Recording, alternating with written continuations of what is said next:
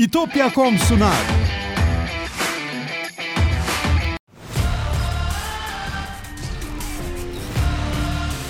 Tekno Seyir sunucu sponsoru DGN Teknoloji.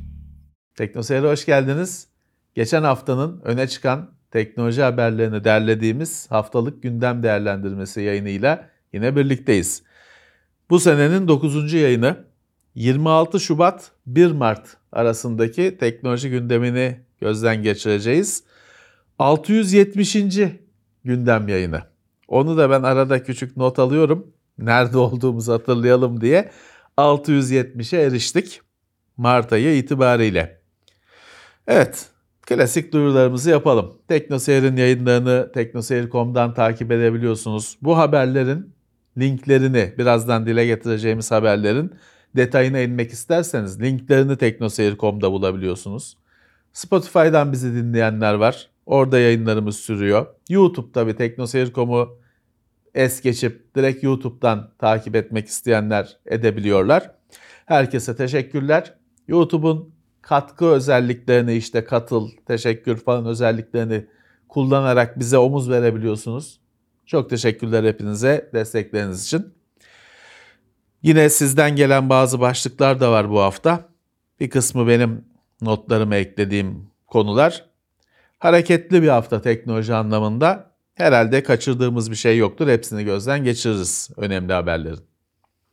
Şimdi bu hafta Mobile World Congress cep telefonu alanının en önemli e, fuarının haftasıydı.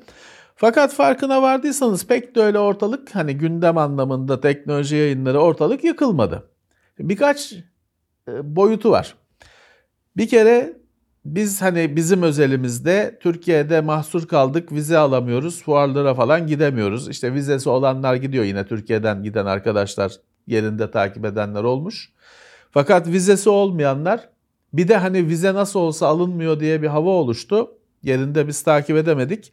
O yüzden biraz belki basına e, yansıması az oldu ama dünya çapında da basar, bakarsanız o kadar öyle haberlerle dolmadı ortalık.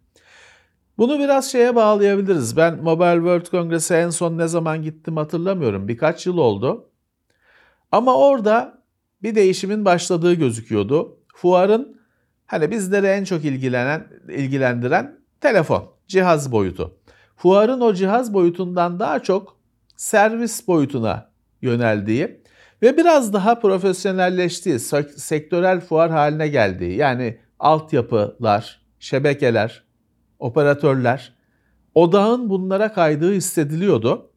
Herhalde o geçiş artıyor çünkü bu senede işte Barcelona'da bu fuar gerçekleşti. Çok heyecanlandırıcı bir şey yok. Ben biraz yabancı yayınların desteğiyle neler duyurulmuş, neler öne çıkmış başlık olarak baktım. Mesela işte Xiaomi'nin Xiaomi 14 zaten çıkmıştı. 14 Ultra dünyaya çıkıyor. O duyurulmuş. Telefonda o kadar az ki örnek. Xiaomi'nin SU7 diye otomobili var. Bu sergilenmiş. Elektrikli otomobil. O sergilenmiş. Hani görücüye çıktı denir ya. O hesap. Honor Magic 6 Pro gösterilmiş. Samsung Galaxy Ring. Bu zaten var olan bir üründü ama bir türlü hani resmi duyurusu falan yapılmadı. Bir yüzük hazırlıyor Samsung.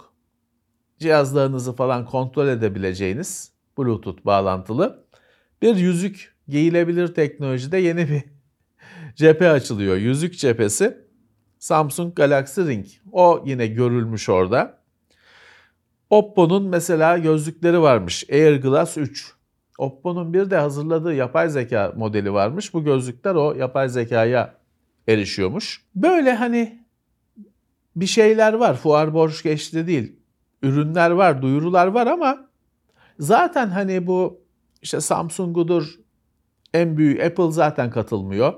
Samsung bu tür fuarları Apple, Apple ne yaparsa Samsung da onu yaptığı için Samsung da bu fuarları çok kale almayıp kendi fuarını yapmak tercihinde. Büyük firmaların çoğu yıllardır onu takip ediyorlar biliyorsunuz. Ee, dolayısıyla işte Mobile World Congress yapıldı mı yapıldı. O kadar yer yerinden oynayan bir haber yok. Bu sene de böyle oldu. Fuardan normal firma bazlı haberlerimize gelelim. Intel'in geçen hafta hatırlarsanız Intel bu biz başka firmalara işlemci üreteceğiz, yonga üreteceğiz. Hatta onun işte en iyisi, şahikası bizde olacak falan açıklamaları vardı. Intel ilk müşterisini duyurdu. Bu yenilenmiş Intel eskiden beri başkalarına yonga üretiyor ama bu işte yeni çağ yonga üretiminde yeni çağda ilk müşterisi Microsoft oldu. Microsoft kendi yongalarını tasarlıyormuş. Microsoft marka yongalar tasarlıyormuş. Intel üretecekmiş. Öyle anlaşmışlar. Bunlar tabii herhalde Microsoft'un yongaları benim bilgisayarıma sizin bilgisayarınıza girecek şeyler değil ama daha çok veri merkezi odaklı tahmin ediyorum. Bir sonraki Xbox'la alakalı olur mu bilmiyorum. Öyle bir sürpriz olur mu bilmiyorum. Pek sanmıyorum. Orada oyun işinde AMD yıllardır lider gidiyor. Bütün konsollar AMD. Onu bozmazlar diye düşünüyorum. Intel'in bir de grafik boyutu var. Bir süredir hayatımızda daha çok yer oynayan. Aslına bakarsanız Intel yıllardır en büyük grafik üreticisi olarak geçiyor. Çünkü o her üretilen işlemcinin içinde grafik çekirdeği var ya, onları sayınca Intel grafik pazarının lideri diye adlandırılıyor. Ama hani sayı olarak. Neyse Intel biliyorsunuz bu ARC grafiklerle bir süredir iyi gidiyor. Bu ARC grafik çekirdeği 14. nesilde ya da Core Ultra diyelim. Ona 14. nesil demiyorlar. Bizim alışkanlığımız o. Core Ultra'nın birinci nesli. Bu işlemcilerde e, o ARC çekirdeği işlemcilere de eklendi. Onların grafikleri yenilendi. Intel şimdi bu Intel de bu ARC'ın performansını sürücü güncellemeleriyle sürekli arttırıyor. Ciddi oranlarda arttırıyor. Yine bu ARC dahili ARC çekirdeklerinin perfor oyun performansını ciddi arttıran bir güncelleme yayınlamış geçen hafta Intel.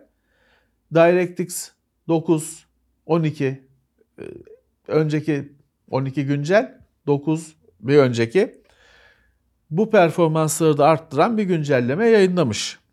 Ve şaşırtıcı hani. Normalde sürücü güncellemesiyle böyle ortalık değişmiyor.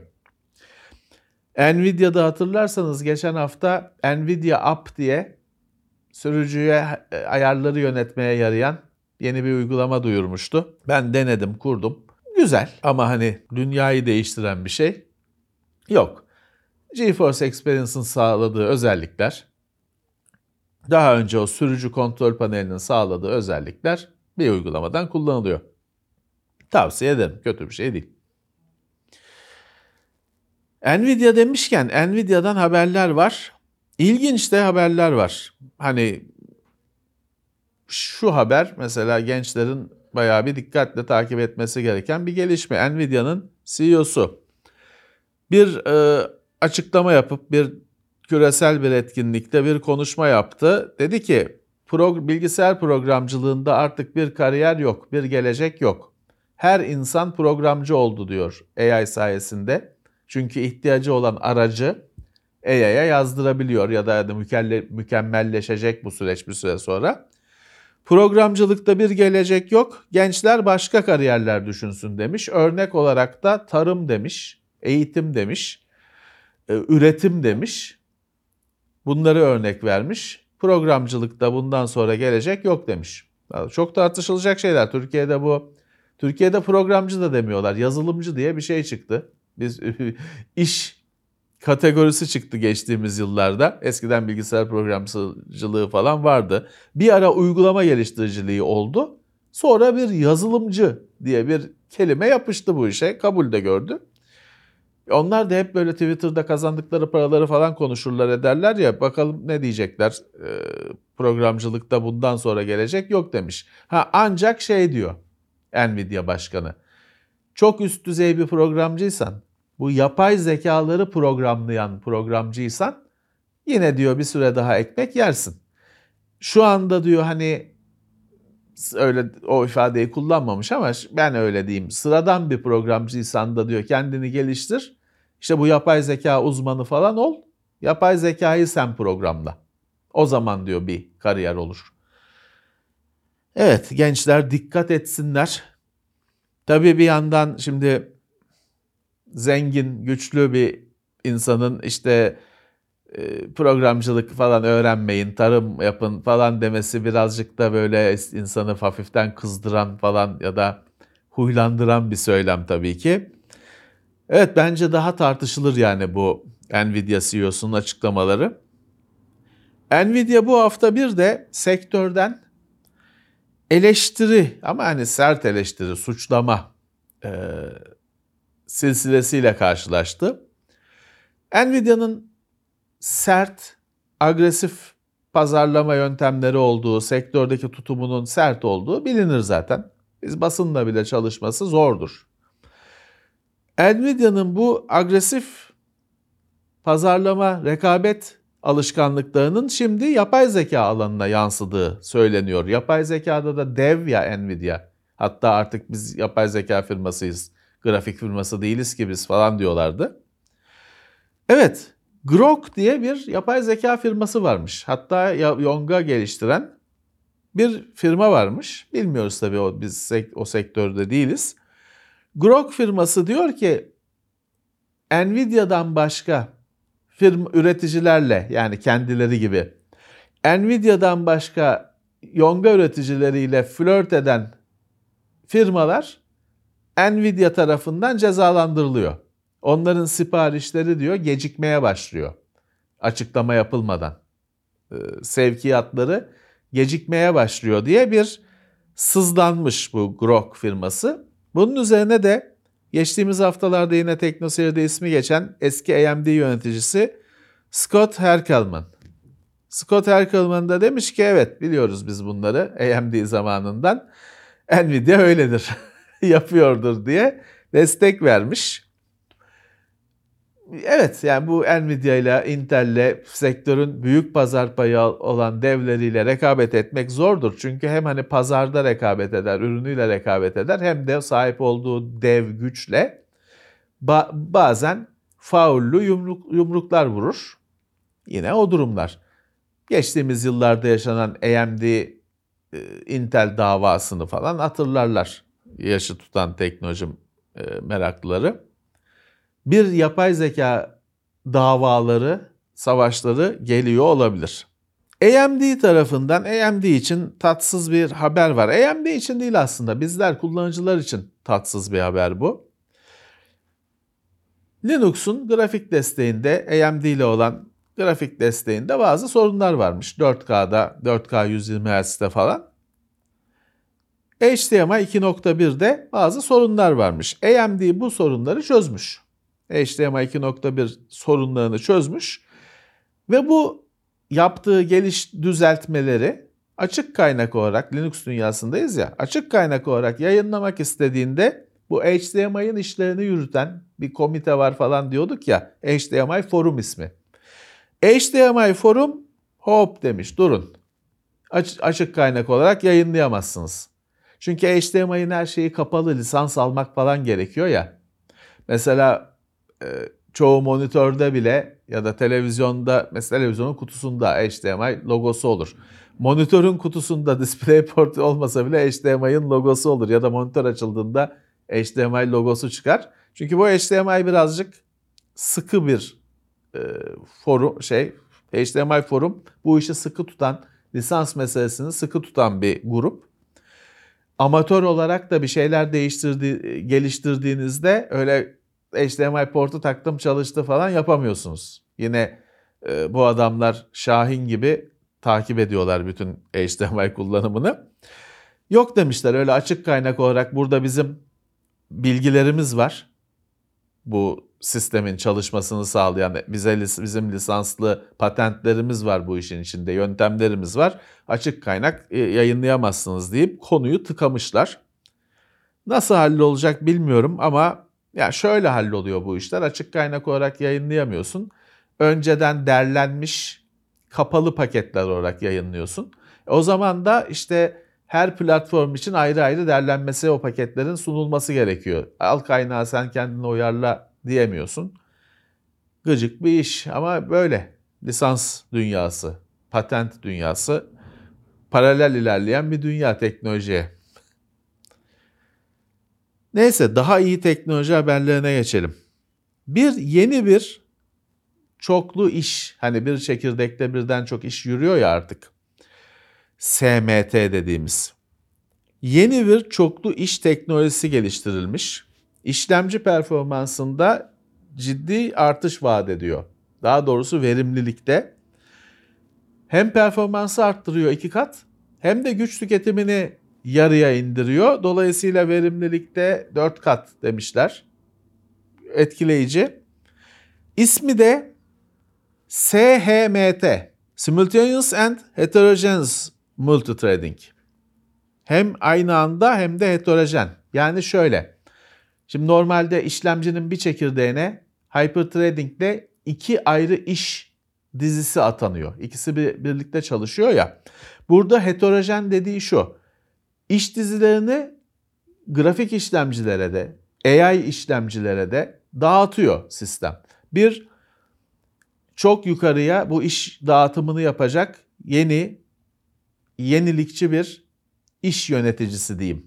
E, işleri dağıtan bir kalfa atıyorlar, yazıyorlar.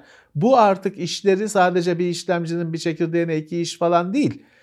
İşin bir, bir, bir işi bir çek, işlemci çekirdeğine öbür işi grafik çekirdeğine atıyor. Hatta şeyi yapıyormuş.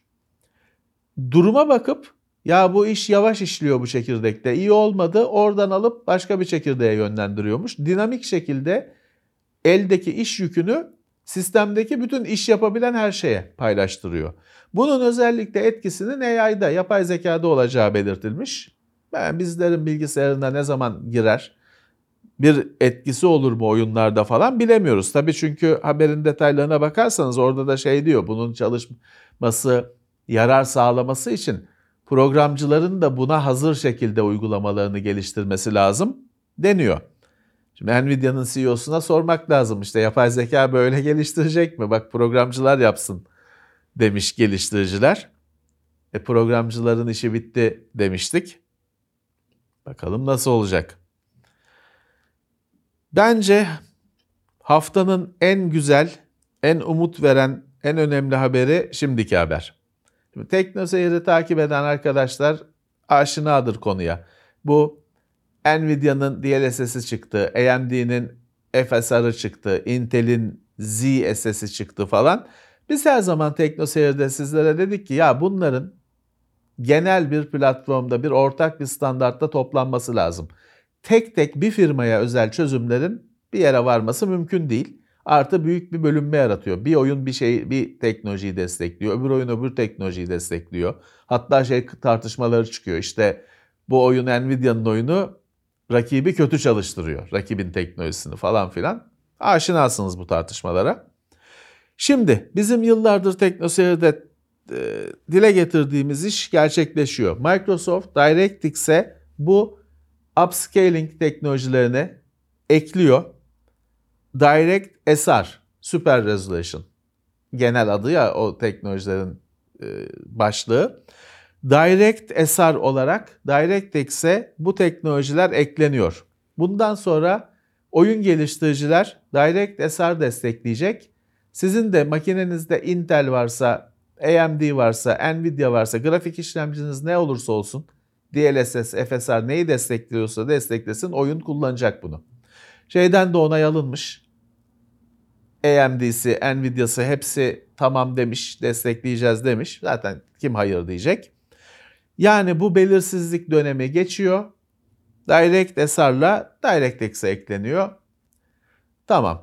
Benim hayalim Bundan sonra da bunun bize konsoldaki gibi hiç sorulmayacağı günler. Yani varsa gerekliyse kullanacak oyun biz bilmeyeceğiz. Evet. Direct SR takip edelim. Bu en önemli gelişme olabilir bu konudaki. Yine ilginç, bizleri etkileyecek bir mesele aslında güzel. Cep telefonunu webcam olarak kullanma özelliği. Bu zaten hani çeşitli yazılımlarla yapılıyor biliyorsunuz. Windows'un kendisine ekleniyormuş. Geliştirme sürümlerine eklemişler. Daha hani herkesin kullanımına açılmamış ama şimdi yazılımla yapılan, ücretli, ücretsiz yazılımlarla yapılan bu özellik Windows'un kendi Windows'un içinde bir My Phone diye bir şey var ya Android telefonunuzla falan bağlantı kurduğunuz. Onun içine eklenecekmiş bu. Tabii şurada şu var. Hani ya ben sadece web kamera olarak kullanmak istiyorum. SMS'lerimi de e, eşitlemesin falan diye düşünebilirsiniz. Haklısınız. Artık o tek tek o özellikler ayar olarak sunulacak mı? Yoksa bir kere eşleştirdin mi her şey mi eşleştirmiş olacağız? Bilmiyorum. Ama o yazılımları üretenlerin ekmeğine kan doğranmış oluyor işte Microsoft içine ekliyor e, özelliği. Bitiyorsunuz.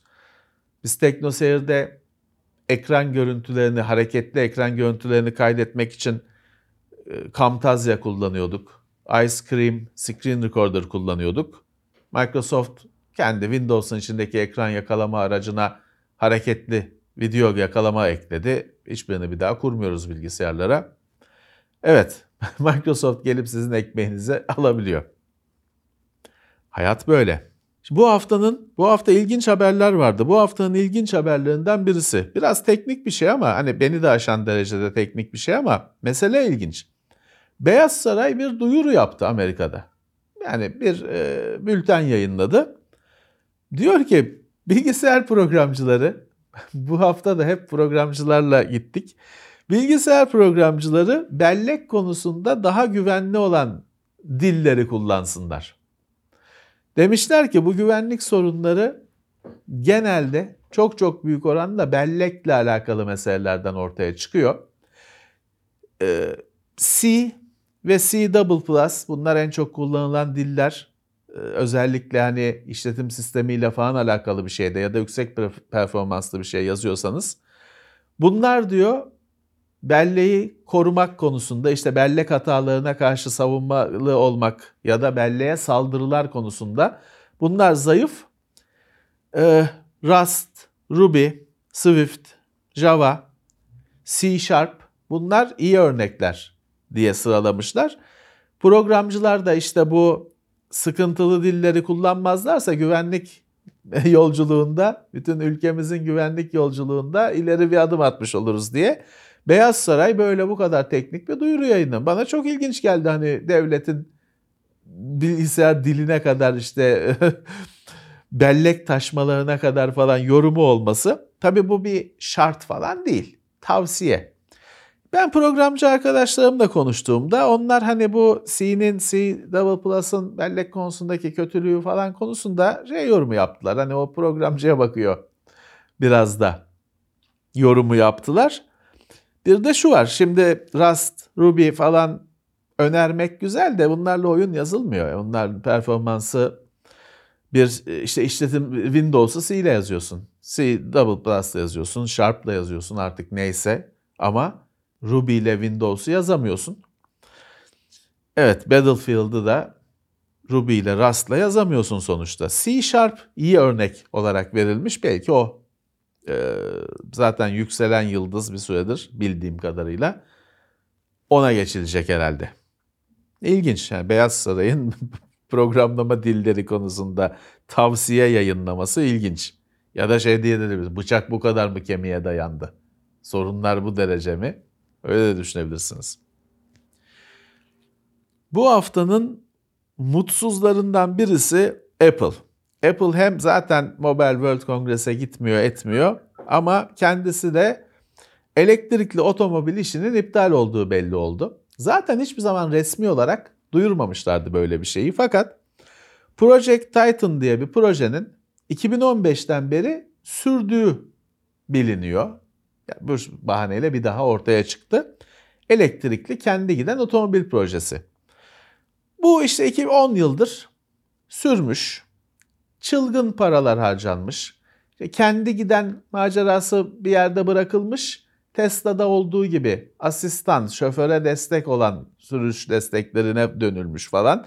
Bir 2028 gibi hedefler konmuş falan filan ama en sonunda artık bunun olmayacağına karar verip iptal etmiş Apple bu girişimi. 2000 kişi çalışıyormuş. O 2000 kişi yapay zeka ile ilgili işlere döne, firma içinde yapay zeka ile işte ilgili işlere odaklanacakmış.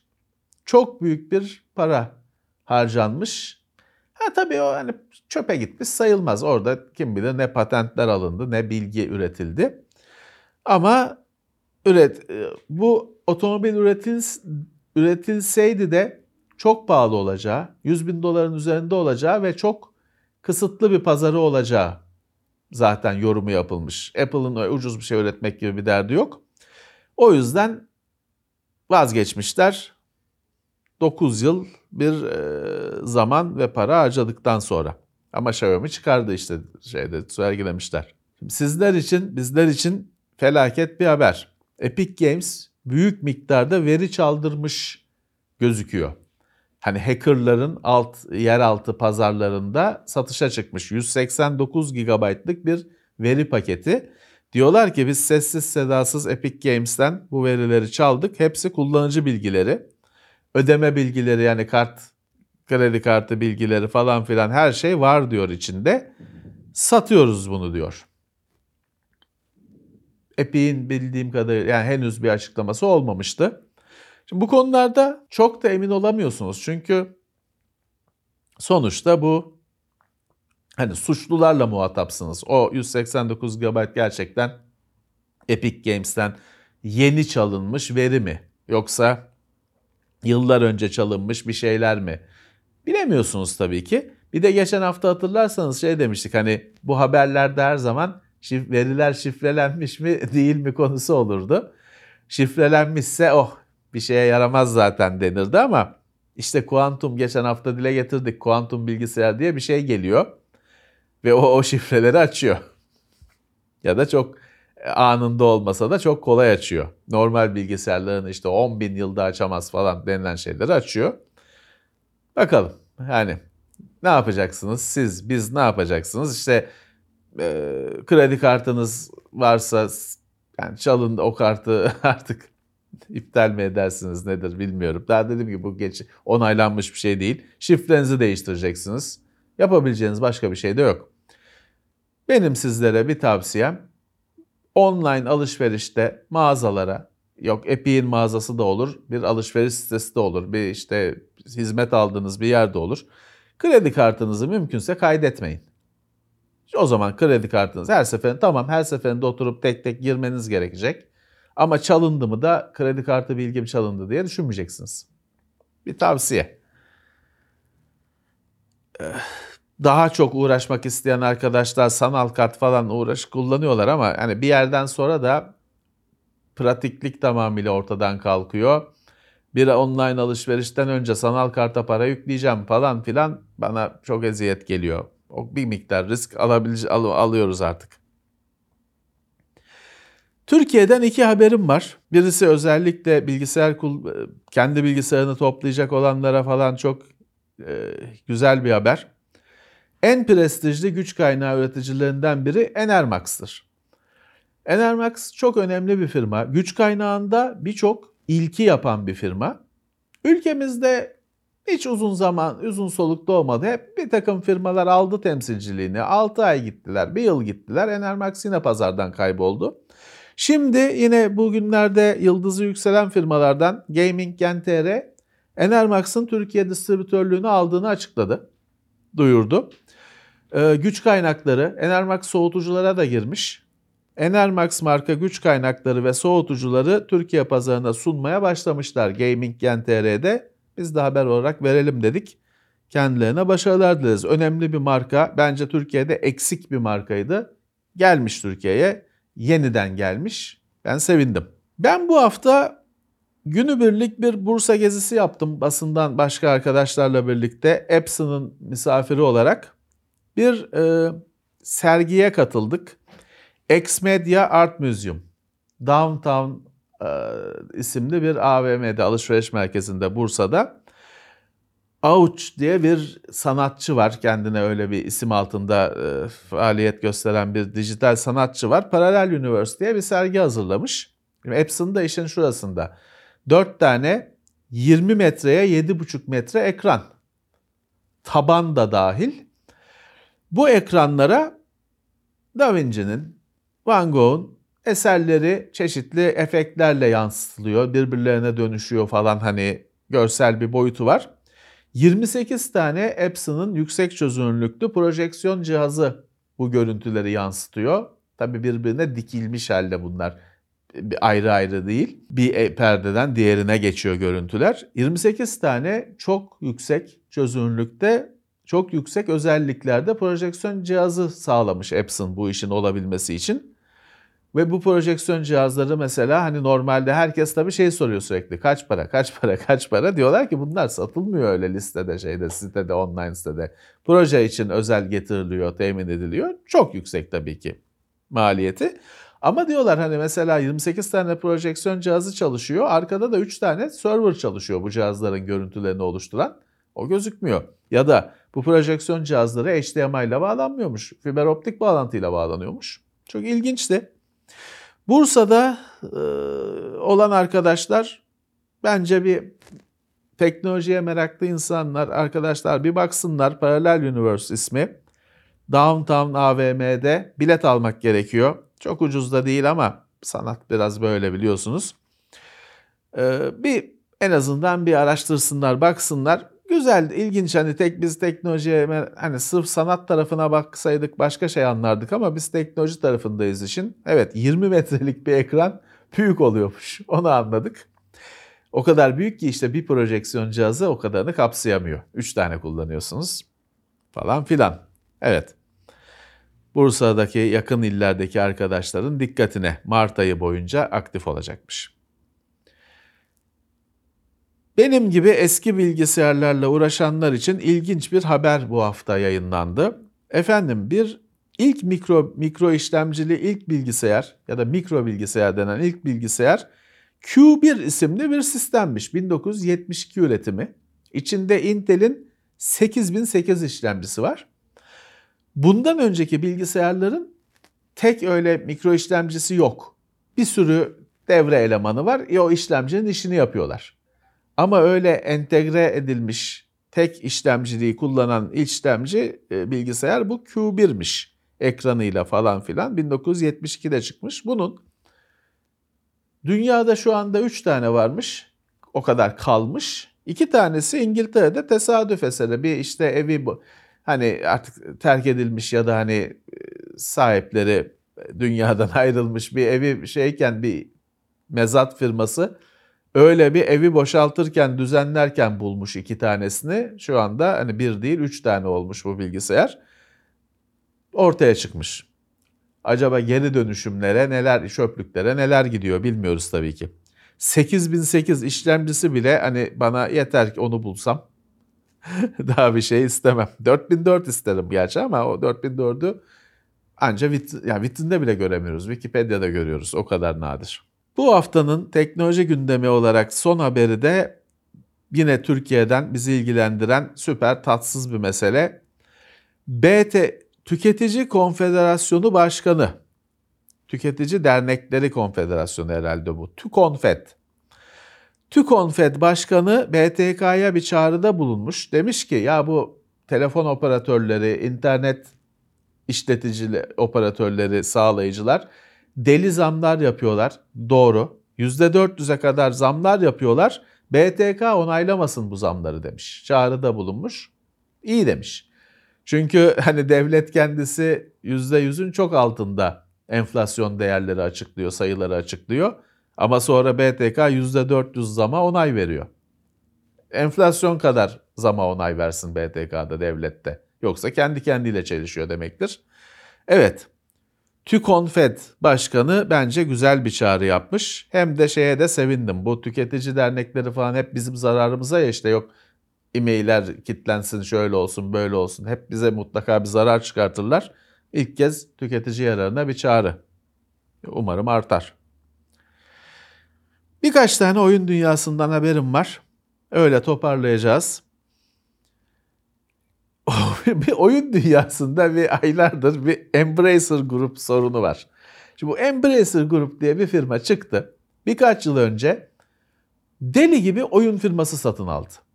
İki yıl önce falan her şeyi Embracer satın aldı. Bu para nereden geldi falan bilmiyorum. Ya da amaç neydi, ne bekleniyordu bilmiyorum. Bu kadar firmayı satın aldılar. Hiçbir halta yaratmadılar. Şimdi Embracer kıvranıyor Ve bu firmaları kapatıyor, satıyor, atıyor. Oyun dünyasını hallaç pamuğuna çevirdi. Hallaç pamuğu gibi atıyor. En yeni gelişmeler. Her hafta bir gelişme oluyor bu Embracer olayında ama en yeni gelişmeler.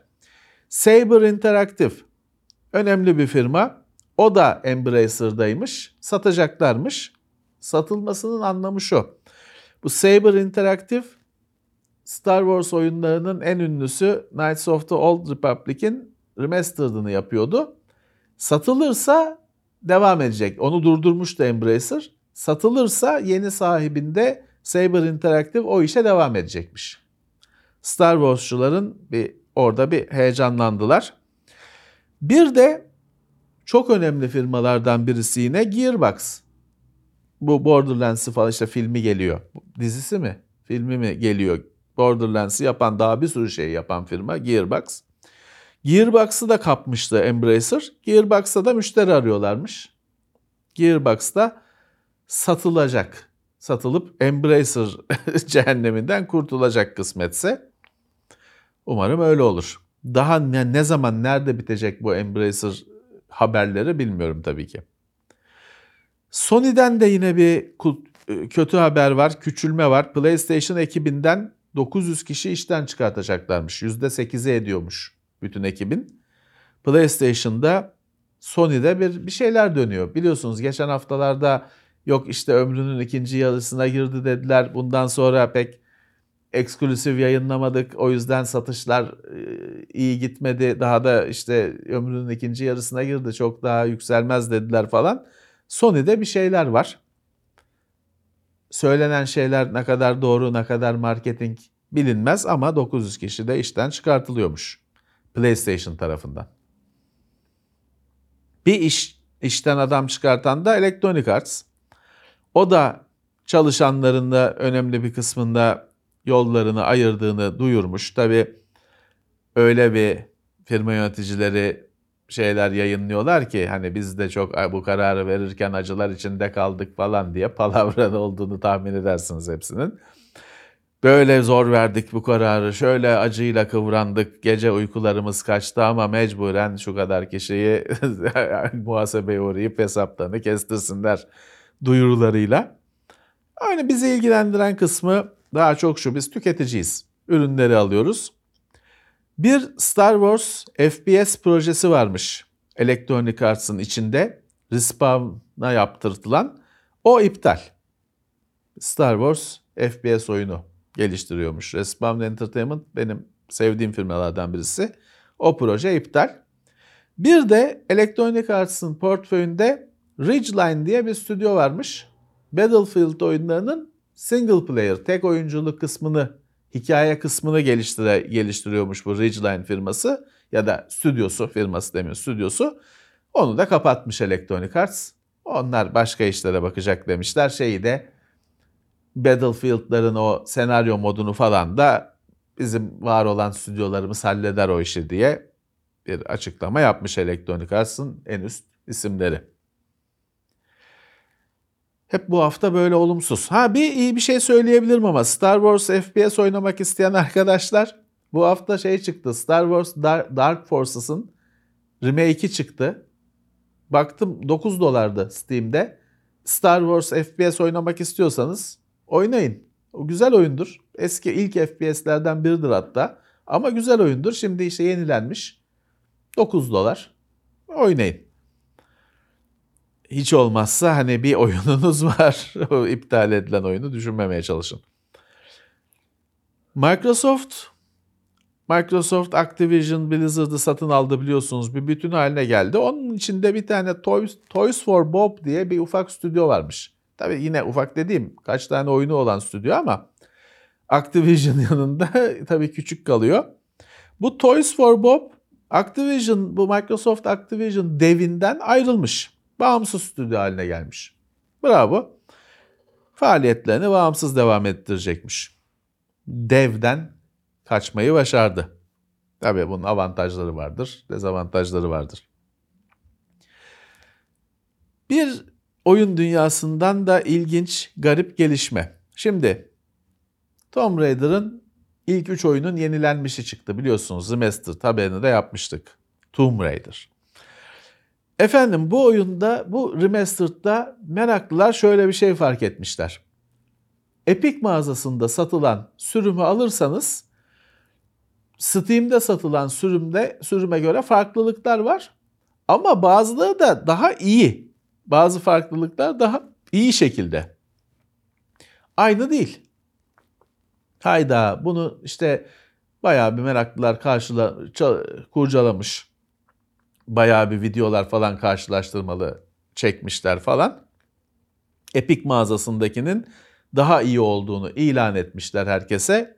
Meraklıları da oraya gitmiş. Fakat e, Tomb Raider'ın yapımcıları demişler ki o Epic'teki eski sürümdü. Yanlışlıkla sehven vardır ya bizim ülkede. Yanlışlıkla o yayınlandı. Onlar eski sürümdü deyip Steam'le aynı olan güncel sürümü koymuşlar. Güncellemişler oyunu ve o farklılıklar ortadan kalkmış. Tabii Epic'teki daha iyi de, diyen arkadaşlar için de tatsız sürpriz. Oyun güncellendi. Aynı oldu Steam'le. Evet bunlar olabiliyor. Tabii yani ben her zaman şeyi merak ederim. Şimdi biz TeknoSeyir'de sizlere bir video yayınlayacağımız zaman ya küçük kadromuz, çok küçük kadromuza rağmen bakıyoruz, ediyoruz. Yazısı düzgün mü, değil mi? En, hemen yazısı yanlış yazıldıysa, bir harf hatası varsa yarım saatte fark, yani o kaçacağı da olur ama genelde fark ediyoruz yarım saatte, bir saatte düzeltiyoruz. Siz zaten bildiriyorsunuz falan. Ya oyunun eski sürümü nasıl yayınlanır? Hani bunlar bu oyun dediğiniz yine en kötüsü milyon dolarların konuşulduğu işler bunlar. Bütün dünyaya açılan işler. Oyunun eski sürümünü yanlışlıkla yayınlamışız. Bu nasıl oluyor çok merak ediyorum. Hani oradaki mekanizmaları, çarkları çok merak ediyorum. Nasıl olabiliyor? Biz yaşa, yaşamayız umarım. Bizde de olabilir. Bizde bizde de olabilir ama hani dikkat ediyoruz elimizden geldiği kadar. Bu kadar büyük bir firmada kim bilir kaç kişi vardır onu kontrol eden ama oluyor. Oluyor. Evet. 26 Şubat 1 Mart 2024'ün teknoloji gündemi ana başlıklarıyla böyleydi. Teknoseyir'de olduğunuz için çok teşekkürler. Tekrar birlikte olmak üzere. Hoşçakalın. İtopya.com sundu.